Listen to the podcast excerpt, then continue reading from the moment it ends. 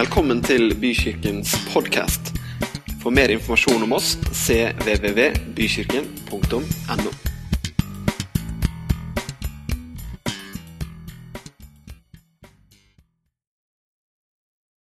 Veldig hyggelig å se dere i dag. Veldig, veldig hyggelig. Vi har jo hatt en runde nå i hele vår, egentlig, der, der eh, Bent Ove og Einar og delvis jeg har snakka om veien videre. Eh, og jeg tenkte jeg skulle dra min sånn egen lille vri på det i dag. Eh, Jeg liker jo det.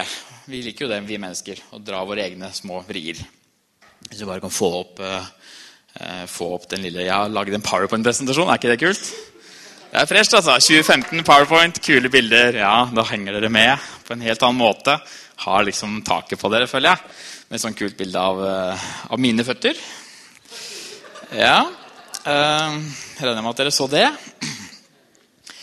Eh, Men jeg har altså eh, Vi har altså funnet en vei. Vi snakker om veien videre. Vi snakker om at Jesus ønsker å gjøre mer gjennom våre liv. Eh, At, at det er noe å strekke seg etter. At det er noe vi kan eh, bli bedre på. rett og slett. Ikke i form av oss sjøl, men i form av hvordan vi prioriterer livene våre. Og hvis du klikker på neste, Jeg har laget en sånn fin undertittel. Så min, min tittel heter da 'Men så gå, da, mann'. Og For et par uker siden så hadde jeg ledet jeg dette møtet og prøvde å finne ut hva kvinner likte å kalles. Så jeg har lagd en undertittel som da forhåpentligvis får med alle sammen. Um, Det er litt liten tekst, men eventuelt kvinne, dame, jente, frue eller frøken. For dere var litt usikre hva dere egentlig ville kalles. Så da håper jeg at dere liksom At alle er, alle er med, da. Eh, Det funka jo kjempefint. ja, det må jeg fornøyd med, altså. Men det å gå, det å bruke denne veien som vi snakker om, det handler jo om bevegelse. Det er på en måte det første skritt. Når man skal gå, så må man faktisk bevege seg. Det jeg det er ikke noe vi trenger å diskutere. Og Det er noe som kjennetegnes hele livet vårt. Fra vi er små til vi blir veldig gamle, så er det en bevegelse i livet vårt. Vi, vi, vi, vi blir liksom med, enten vi vil eller ikke, fordi tiden går videre. ikke sant? Vi kan ikke stoppe tiden. Det har vært utrolig praktisk noen ganger, men det, det funker ikke. Tiden drar livet vårt videre. Og, ehm, eh, og siden starten, siden menneskeheten inntok denne jorden, så har vi vært opptatt av å komme lengre. Og den utviklingen som, som vår generasjon, altså vi som lever nå, den, den teknologiske utviklingen vi har sett, er jo helt vanvittig. Eh, og de av oss da, som kanskje ikke er i front av å lage nye ting, av å innovere, av å skape den nye verden vi, vi henger kanskje bare litt sånn med, men vi gjør jo det. Vi henger jo med, vi tar jo fram denne iPhonen ikke sant? og har all mulig kunnskap tilgjengelig bare ved et lite tastetrykk. Så, så selv om vi, eh, kanskje noen av oss eh, i dette rommet, virkelig innoverer og lager noe nytt, så er vi med på det, ufrivillig eller frivillig. Eh, Verden den blir mindre for oss. Den blir mer tilgjengelig for oss eh, fordi teknologien gjør oss eh, Altså skaper et tettere bånd mellom oss mennesker. Hvis vi eh, velger det på den måten. Det går også an å ta mer avstand ved å bare sitte med telefonen. Det har jo sikkert flere av oss kjent på, at man kan faktisk distansere seg fra mennesker ved å bruke teknologi. Det er fullt mulig. Men eh, det er noe med at vi for 100 år siden så, så kunne ikke vi vite om at det var et jordskjelv i Nepal. Vi hadde vært helt uvitende til det. Nå får vi vite det med en gang det har skjedd. Så potensialet for samarbeid, potensialet for å endre verden, for å stå sammen, for å ha en solidaritet for menneskeheten, det er så mye sterkere og større nå, og lettere å bruke den muligheten enn den var før. Nå får man påminnelse på Facebook da, fra Facebook sjøl om at det har skjedd noe i Nepal. Har dere sett det? Hvis jeg logger inn på Facebook, så kommer det opp sånne varsler i ny og ne.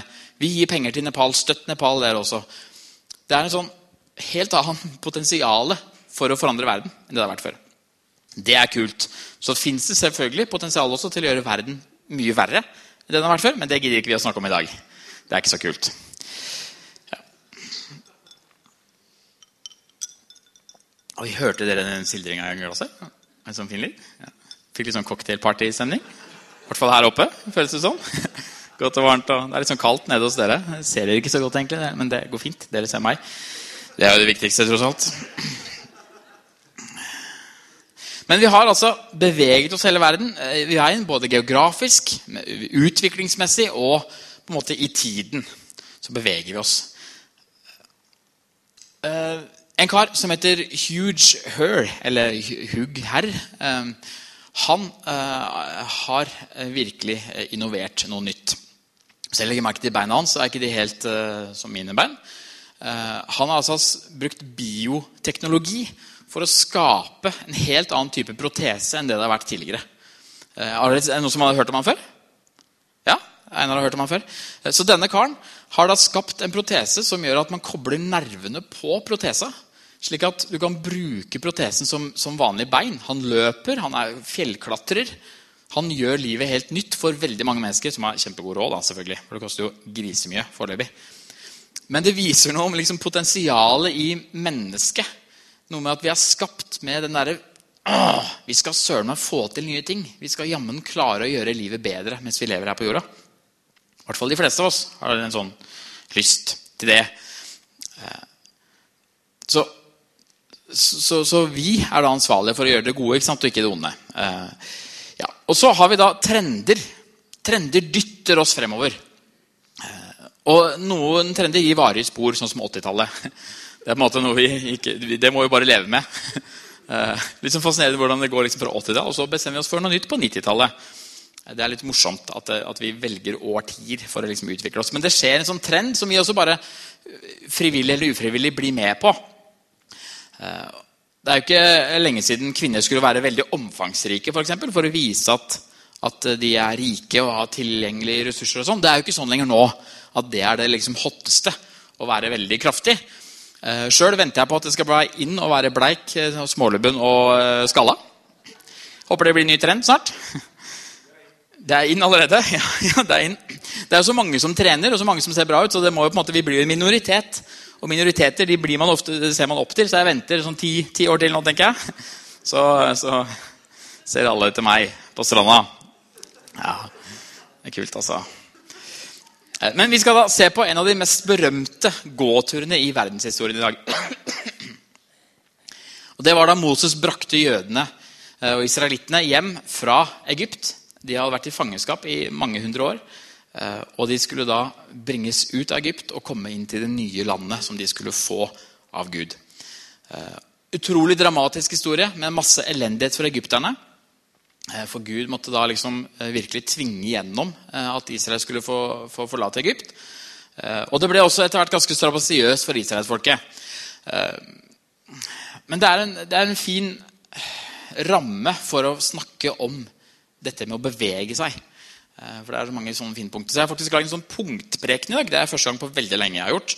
Eh, fordi jeg eh, har liksom De jeg ser mest opp til av de som kommuniserer i dag, de snakker mye om dette at det skal være en sånn historie i bånd. Man skal fortelle historie først og fremst. Punkter det blir veldig sånn, det treffer ikke det postmoderne mennesket, for det er så veldig absolutt.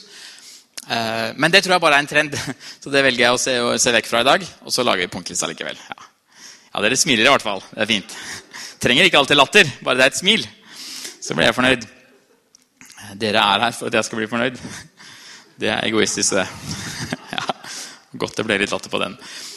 Men um, jeg har ikke uh, Altså, jeg, jeg, har jo faktisk selv opplevd å være på en sånn ørkentur. Det høres kanskje ikke sånn ut for en trysling, men uh, i Trysil så har vi også ørkener. Det bare kalles myr i stedet. Og Uh, Trysil er fantastisk på vinteren. Veldig slitsomt for de som ikke liker å plukke bær på sommeren. Uh, og, og, pappa han vokste opp i en familie Pappa er forresten her i dag. Hei, pappa. Uh, han Jeg må bare liksom fortelle litt sånn bakgrunnshistorien for, for, Multe. For pappa vokste opp i en familie med seks andre barn som mister faren sin. pappa mister faren sin da han er to år gammel. og og da sitter da mor igjen med syv barn på 40-tallet. Og hva i all verden gjør vi nå? Så en av de tingene de gjør for å leve, for å livnære seg, det er faktisk å plukke bær. Leve på krita, plukke bær og selge bær når bærsesongen er over. Så det sier litt om hvor pappa kommer fra. Eh, så, så, han elsker bær. Eh, og det er jo fantastisk, men noe jeg ikke helt har klart å eh, relatere meg til. da, kan man si. Særlig kanskje ikke i pubertetsalderen. Så var det vel ikke et perspektiv jeg hadde. Det må jeg være ærlig å si. Så, så, bærplukking det var liksom ikke det kuleste for meg. Men pappa han har hemmelige steder eh, som ingen andre vet om. Vi måtte jo gå i blinde ja. for å finne stedet. det var kult med sånne blinde bilder. Hvor er vi nå? Eh, så jeg er litt sånn redd for at når arven liksom en dag kommer, så sier han gutten min jentene de får pengene, men du, du skal få vite hvor det gule gullet er. Det blir din arv. Her er kartene, her er punktene, vær så god. Så mye multe du kan drømme om, som ingen andre vet. Ja, um, ta hintet, pappa. Men, men vi skulle da ut på tur, og, og man tenker jo også idyllisk og fint det er å plukke multe. og Man har med turkoppen, og så søtt, og så kan man ta bilde av det, og så blir det kjempekoselig. Men egentlig ser en tur, multetur sånn ut. Og En dag da jeg var 12 år gammel eh, så eh, Jeg liker i hvert fall å tro at jeg var 12. Godt mulig jeg var 18, men det ser mye bedre ut hvis jeg var 12. Eh, så sier pappa skal du bli med på tur til 500-metersmyra. Aldri vært på 500-metersmila før. Hørtes veldig overkommelig ut. Jeg var kanskje litt naiv, men jeg tenkte at ja, da er det jo 500 meter til den myra. Men det var det ikke. Det var veldig mye lenger enn 500 meter til den myra. Og været var sånn cirka som det her. Og når vi først kom fram, så tenkte jeg at ok, nå kommer vi i hvert fall fram til multe. Dette er jo tross alt eh, et multested, regner jeg med. Det var jo ikke multe der. Og den myra var jo 500 meter. Lang og høy og bred og tjukk og alt som er. Så vi gikk jo rundt og traska etter multe, men fant ikke noe multe. Og det var kanskje min siste multetur. når jeg tenker meg om.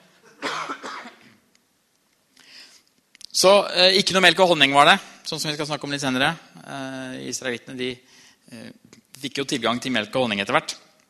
Da var min ørkenvandring kanskje ikke så dramatisk, når jeg tenker meg om, men eh, et morsomt bilde på vei inn i denne samtalen her, da. Ja, syns jeg i hvert fall, da.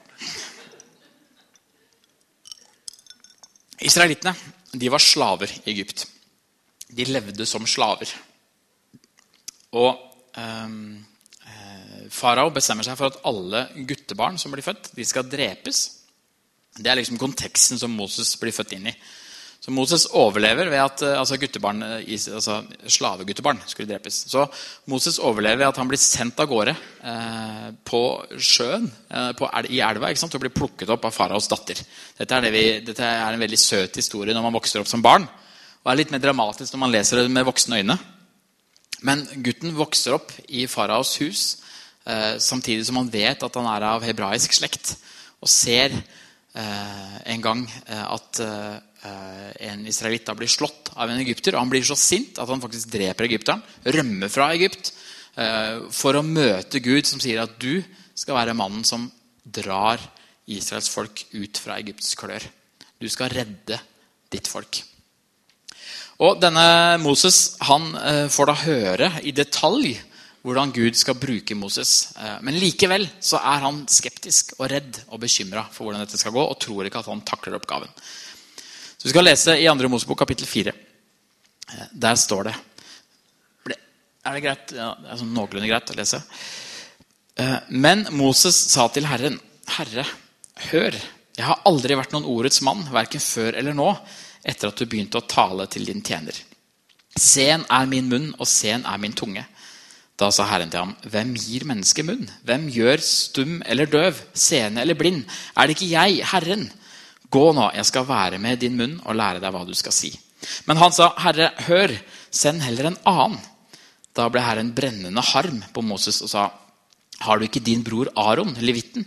Jeg vet at han er flink til å tale. Han er allerede på vei for å møte deg, og han vil glede seg av hele sitt hjerte over å se deg.'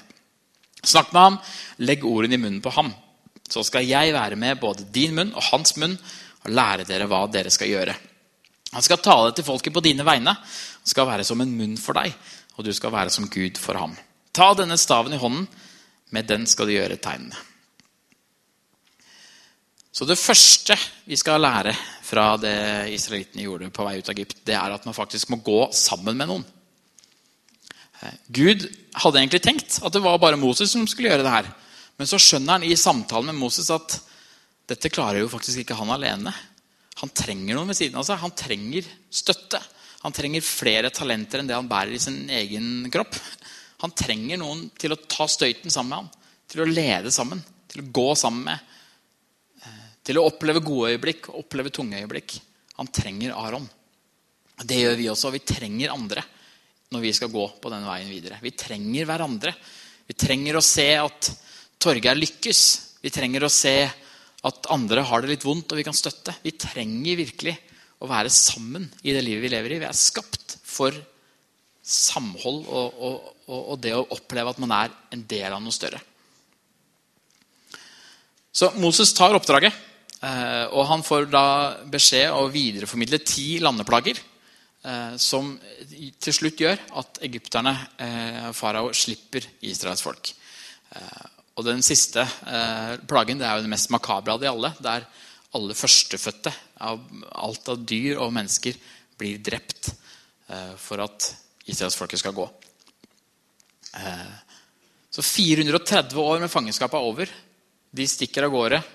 Eh, følger en lyssøyle om dagen. Eh, unnskyld, en skysøyle om dagen. En ildsøyle om natta. Gud viser veien hvor du skal gå. Ikke det eh, veldig spesielt? Ha en lyssøyle som viser veien. Tenk så lett det hadde vært. da. En sånn GPS som viser liksom alt du skal gjøre i løpet av en dag. Høres fantastisk eh, fint ut. Og så ombestemmer farao seg. Eh, etter noen dager uten slaver så skjer det jo faktisk ingenting. Oi, hvor ble det av all arbeidskraft? Pyramidene har ikke tatt seg opp i det siste. Så han skjønner at eh, han trenger faktisk eh, å, å få tak i disse israelittene. Så de ombestemmer seg, sender hele hæren av gårde etter israelittene. Som nå har kommet til Rødehavet. Og de ser egypterne komme bak seg, og de tenker her er det ikke noen vei for oss å gå. Hvor går vi videre nå? Hvor er veien videre? De har hatt skysøyle, de har hatt ildsøyle, de har hatt masse tegn fra Gud. Masse mirakler fra Gud som viser at dere er mitt folk. Og som en gang det blir litt motstand når det kommer et par egyptere, så, så bare går alt i svart. Rullegardinene dras ned. Dette her funker jo ikke. Vi må bare komme oss tilbake til Egypt. Det var mye bedre før. Kjøttgryten i Egypt snakkes om. Så fantastisk det var å være slave og spise kjøtt.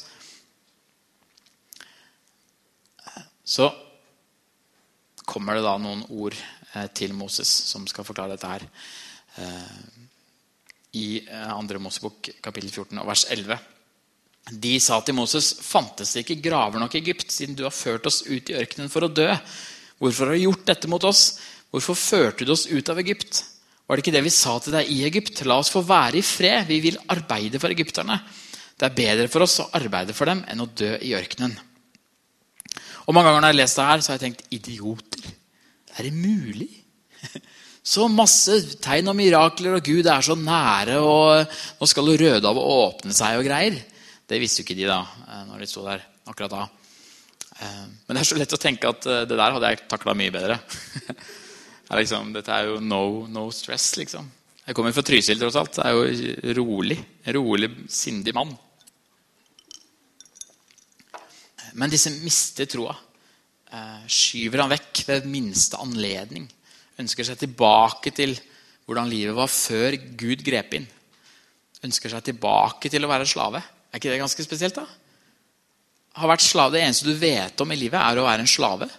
Og så vil du dit igjen. Sånn, liksom. Nei, det der hadde ikke jeg begynt med. Eh, men det er vel en gang sånn at, at erfaringene våre de, de, former fremtiden vår. Og, og, hvis ikke vi ønsker en endring, så, så, blir vi dratt tilbake i det gamle sporet vi alltid har gått i. Tobias, han, eh, min sønn på fem år, han sykler fortsatt med støttehjul. Eh, og eh, Det høres ut som jeg sier det sånn til en terapigruppe, for det er egentlig på tide nå at han ikke skal sykle med støttehjul lenger. Han er blitt stor nok nå til å klare det fint. Og sannheten er at han faktisk har veldig god balanse. Han har en sånn balansesykkel også, som ikke har sånne pedaler.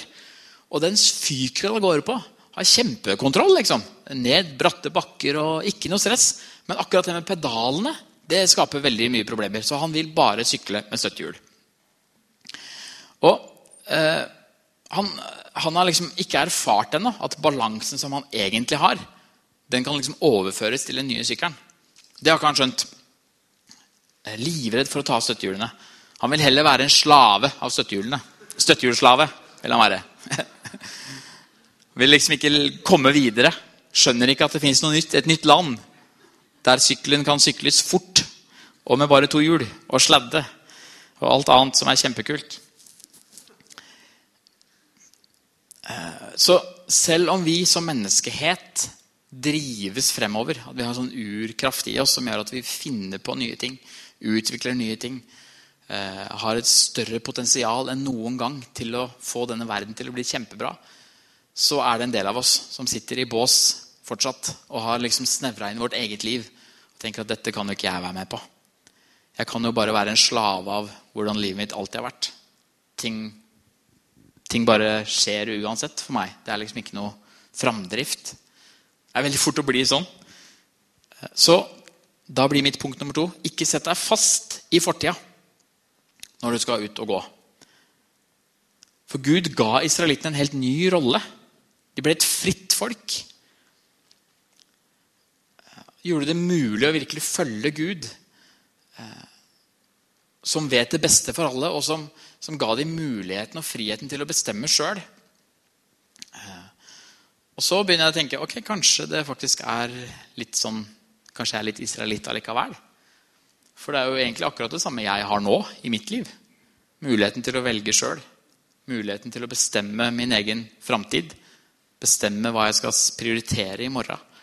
Bestemme hva som er viktig for meg. Eh, ganske likt, egentlig, som israelittene. Jeg kan bestemme meg for å følge Gud på samme måte. Kanskje Gud har et annet liv for meg. Kanskje han har en annen retning. Kanskje jeg også sykler med støttehjul.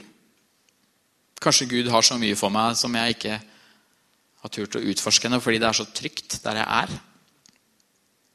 Så hvordan kommer man seg videre i det når man egentlig vil være en slave? Israelittene de har egypterne på den ene sida, Rødehavet på den andre sida. Og så leser vi fra andre Mosebok kapittel 14 og vers 15, som er rett etter det vi leste i stad. Herren sa til Moses, 'Hvorfor roper du til meg?' 'Si til israelittene at de skal dra videre.' Du skal løfte staven din og rekke hånden utover havet og kløve det, så israelittene kan gå tørrskodd tvers gjennom havet. Si til israelittene at de skal dra videre. Det er mulig at det er noen her i salen som har tips til meg i forhold til Tobias og den sykkelen. Eh, men, eh, men det jeg sier til han, det er at du må bare prøve. Du må bare få bevegelse i den sykkelen. For du, du, du, får ikke kjenne på balansen i hvordan det er å sykle før den faktisk er i drift. Før det er så mye fart at det er litt skummelt. Det er da du kjenner at balansen kommer. Det er da man merker at det faktisk er, eh, at det er noe som holder den sykkelen oppe. Din egen balanse. Og det er det israeliten også merker. At når vi faktisk går, når vi faktisk følger det Gud har sagt, så skjer det noe. Da kan vi gå videre. Da kan vi innta noe helt nytt som vi ikke har sett før. Jeg har i hvert fall aldri gått gjennom en, en tørrskodd sjøl Oi, det ble veldig tullete. Aldri gått gjennom tørrskodd i en sjø før som har delt seg. Det er en ganske fresh opplevelse, innbiller jeg meg. Det må jo være kult, liksom. Eh, og det gjør de fordi de rett og slett går. Så det er da det tredje punktet. Gå. Bare gå. Eh, det er jo sånn med ryggplager òg, ikke sant? Eh, litt sånn odd å komme på det, men jeg var på sånn kurs her om dagen som snakka om rygg. Jeg kan, kan, for lite om kropp eh, til å liksom si masse om det. Men, men, men ryggen, altså veldig mange ryggproblemer blir faktisk bedre av å være i bevegelse. Mens vi veldig ofte tenker at nei, vi må jo bare sitte helt stille. Det er jo det som er løsningen her nå, for jeg har så vondt. så jeg må bare sitte stille. Mens de aller fleste ryggplager blir bedre av å være i bevegelse. Og vår, vår, kropp er skapt for fart. Det er kanskje litt rart å si det, eh, sånn som jeg sitter her. Jeg er jo ikke et fartsmonster, men jeg er fått skapt for å bevege meg. Kroppen er laga for å være bevegelse hele tiden. Vi ser jo det Når vi har yrker som ikke er så bevegelige lenger, så, så trenger vi å trene ved siden av. For kroppen vår er skapt for å ha en framdrift, for å, for å utvikle seg, for å bevege seg. Det ligger helt naturlig i alt i skapelsen. Så israelittene de går gjennom. Gud har gjort miraklet sitt, og de, de kommer på andre siden av, av, Rødehavet. Og skal nå etter hvert innta det nye landet. Eh, og Da sender de eh, tolv eh, speidere som skal ut for å se hvordan dette landet ser ut. Og Ti av de tolv kommer tilbake og er utrolig skeptiske til hvordan dette skal gå. For det er et fantastisk fint land. Alt er liksom på stell. De så både melk og honning. Men de så også noen veldig store mennesker som det var helt umulig å, slå i en krig. Så dette her kom ikke til å funke. Det kunne man bare glemme. Eh, mens to, to av disse her, eh, Josva og Caleb, de, de kan vi lese om i 4. Mosebok, kapittel 14, og vers 6-10. Josva, Nuns sønn, og Caleb, Jefunnes sønn, som begge hadde vært med og utforsket landet, flerret klærne sine og sa til hele Israels menighet.: Det landet vi dro gjennom og utforsket, er et svært godt og innbydende land. Om Han har sin glede i oss, fører Herren oss inn i dette landet og gir det til oss. Et land som flyter av melk og honning. Gjør bare ikke opprør mot Herren. Dere skal ikke være redde for folket i landet. De er bare en brødbit for oss. Deres skygge har vendt seg bort fra dem. Men Herren er med oss. Vær ikke redde for dem. Tidenes inspirasjonstale. Hæ? Tenk å høre det der. liksom Noe som bare har vært og sett dette her skal vi jammen klare. Jeg tenker, Gud må liksom sitte og tenke yes. Disse gutta de får med seg majoriteten nå. Det er jeg helt sikker på. Det går jo ikke an. Jeg har jo lagt så mye skaperkraft i disse menneskene. Jeg har lagt så mye drivkraft i dem. Så mye ønske og vilje og så som de er skapt i mitt bilde. Dette her kommer til å gå kjempefint. Innbiller meg at Gud i hvert fall tenkte det. Hvis jeg hadde vært Gud, så hadde jeg tenkt det. Dette her snur. Og hvis det hadde vært fiksjon, hvis dette hadde vært en, eh, en, historie som noen hadde funnet opp, så er jeg enda mer sikker på at dette var det store vendepunktet. Du hadde fått israelittene ut av Egypt, fått det gjennom Rødehavet, skulle innta det nye landet, men alt virker likevel håpløst. Ti av tolv sier dette går ikke, men to sier det og klarer å snu alt sammen, og de går inn allikevel. Men så er det ikke det som skjer. Så er det ikke det som skjer. For Man får de samme spøkelsene i hodet igjen. Alt var egentlig mye bedre før. Hvorfor skal vi drepes eh, i en krig som vi kommer til å tape? Når vi bare kan dra tilbake til Egypt og spise litt kjøtt? Så en av de tingene som Gud faktisk sier til oss, det er at vi må tro at det er mulig å forandre verden. Det er en helt sånn grunnleggende egenskap. Bare ta neste slide. Vi må rett og slett tro på at verden kan forandres. Ikke først og fremst fordi det vi har i oss, men først og fremst fordi Gud er i verden. Så Dette er en av de tydeligste historiene der Guds natur møter menneskets natur. Full klinsj, det dirrer. Gud vil at verden skal se annerledes ut. Gud har så mye nytt. Og vi mennesker vi tør ikke. Vi sier at vi egentlig vil, men vi orker ikke. Vi, vi, vi tar ikke sjansen. Det eneste som kreves av oss, er egentlig bare å tro at det er mulig å forandre. Og så bevege seg for å gå i den retningen. Vi er skapt for å skape. Vi har, vi, har, så mye med oss fra Gud i naturen vår som driver oss fremover. Men samtidig så er det et annen del av naturen vår som holder oss tilbake. Som gjør oss konforme, som gjør oss stae, redde, egoistiske. Som gjør at det er så mye lettere å bare gå i den samme sirkelen som jeg alltid har vært i. Så hvem er det som taper denne standoffen mellom Gud og menneske? Gud blir så sint at han egentlig vil drepe hele gjengen. Han blir så sint og skuffa over at mennesket ikke, ikke, tar sjansen.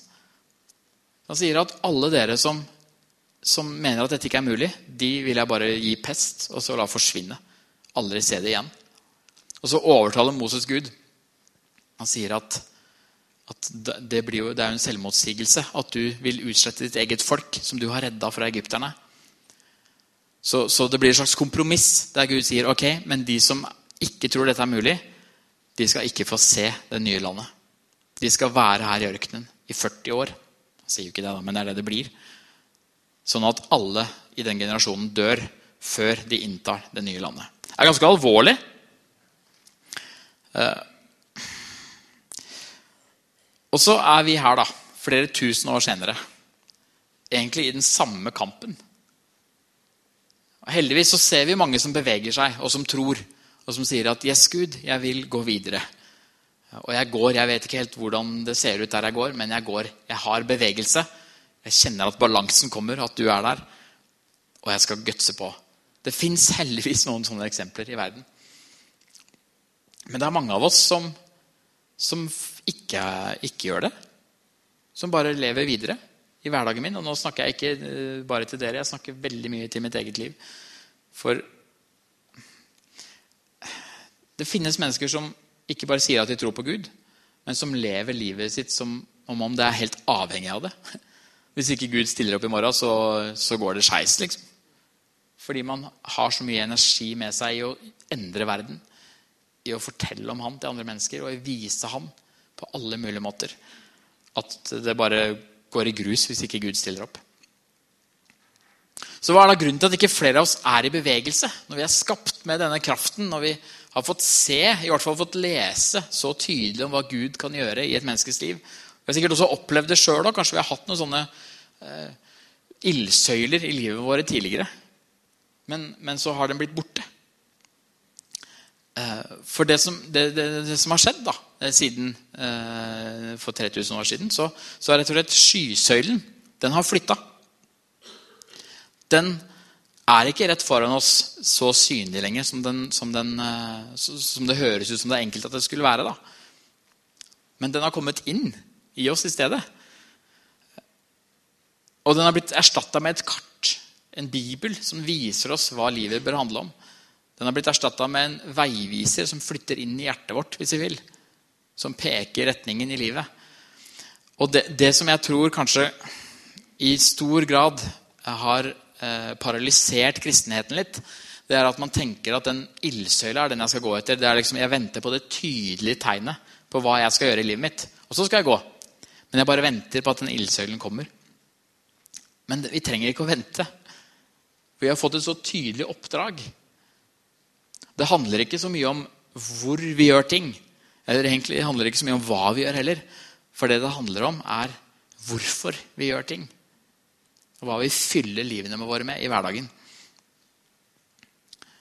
Symbolismen mellom Israels Gud, som frir Israel ut fra Egypt, og Jesus, som frelser menneskeheten, den er så tydelig at det ikke umulig kan være tilfeldig. Vi har vært slaver i våre egne liv. Slaver av dårlige avgjørelser. Egoisme, materialisme, på godt gammeldags kristenspråk så heter det synd. Slaver av synden. Men det trenger ikke være lenger.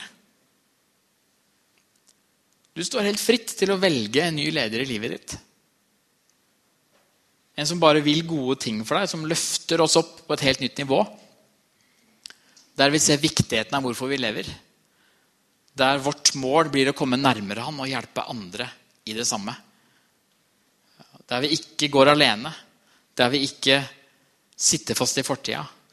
Der vi ikke eh, venter, men der vi faktisk bare går og får balanse i livet.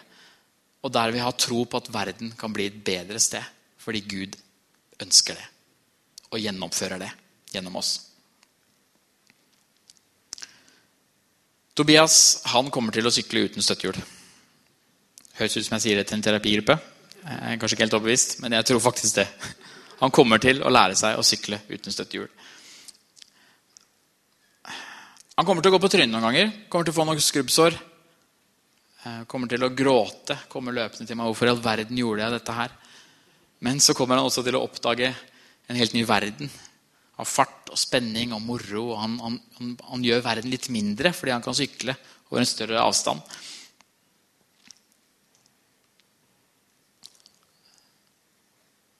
Han får et nytt verdensbilde. Vi deler dette øyeblikket her sammen nå. Eh, og står i denne kampen som israelittene sto i. Den, den, står vi i hver dag. Og det er det fine med at Jesus kom til jorda. Fordi vi har fått noe som heter nåde, som gjør at vi kan si nei den ene dagen. Jeg går ikke inn i det landet der. Men så får vi sjans dagen etter igjen. Fordi Gud står der fortsatt og sier 'Hva vil du gjøre i dag?' Her er landet jeg har for deg. Her er menneskene som ennå ikke tror. Her er høsten som er moden. Her er livet du har fått av meg. Alle talentene dine, alle gavene dine. Hva skal du bruke de til i dag? Kan dere komme opp i lovsangstime? Hva inneholder livet ditt i dag? Og du kan ha sagt 'jeg orker ikke' tidligere, og så gjør ikke det noen ting. Fordi det samme spørsmålet kommer igjen og igjen og igjen. Og når du begynner å svare ja, Gud, jeg tror at du kan forandre verden. Og jeg tror du trenger meg i bevegelse for at det skal skje. Ja, da skjer det noe. For da endrer du atferden din.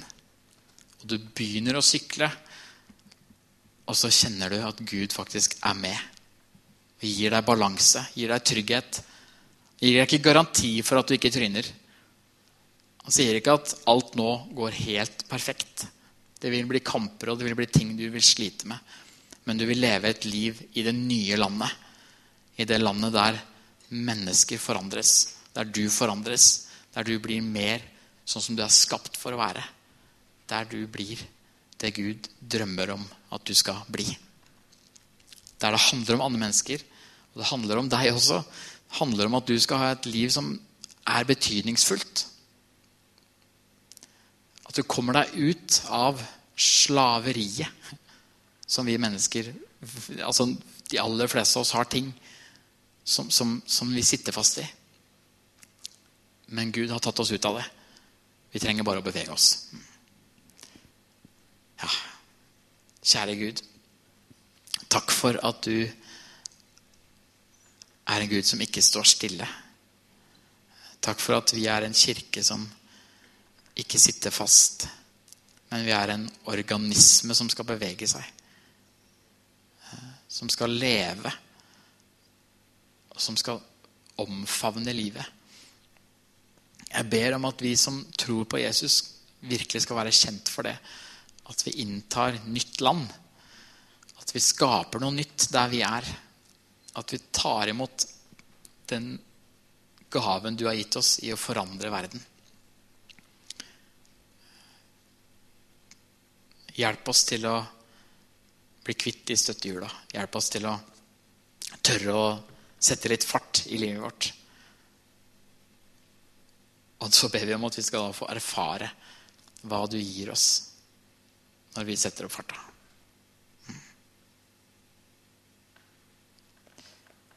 Ja, så jeg vil bare utfordre deg til det, rett og slett. Til å prøve å se om livet kan få et nytt spor. Ekstra, en ekstra dimensjon. Teste ut Gud på det.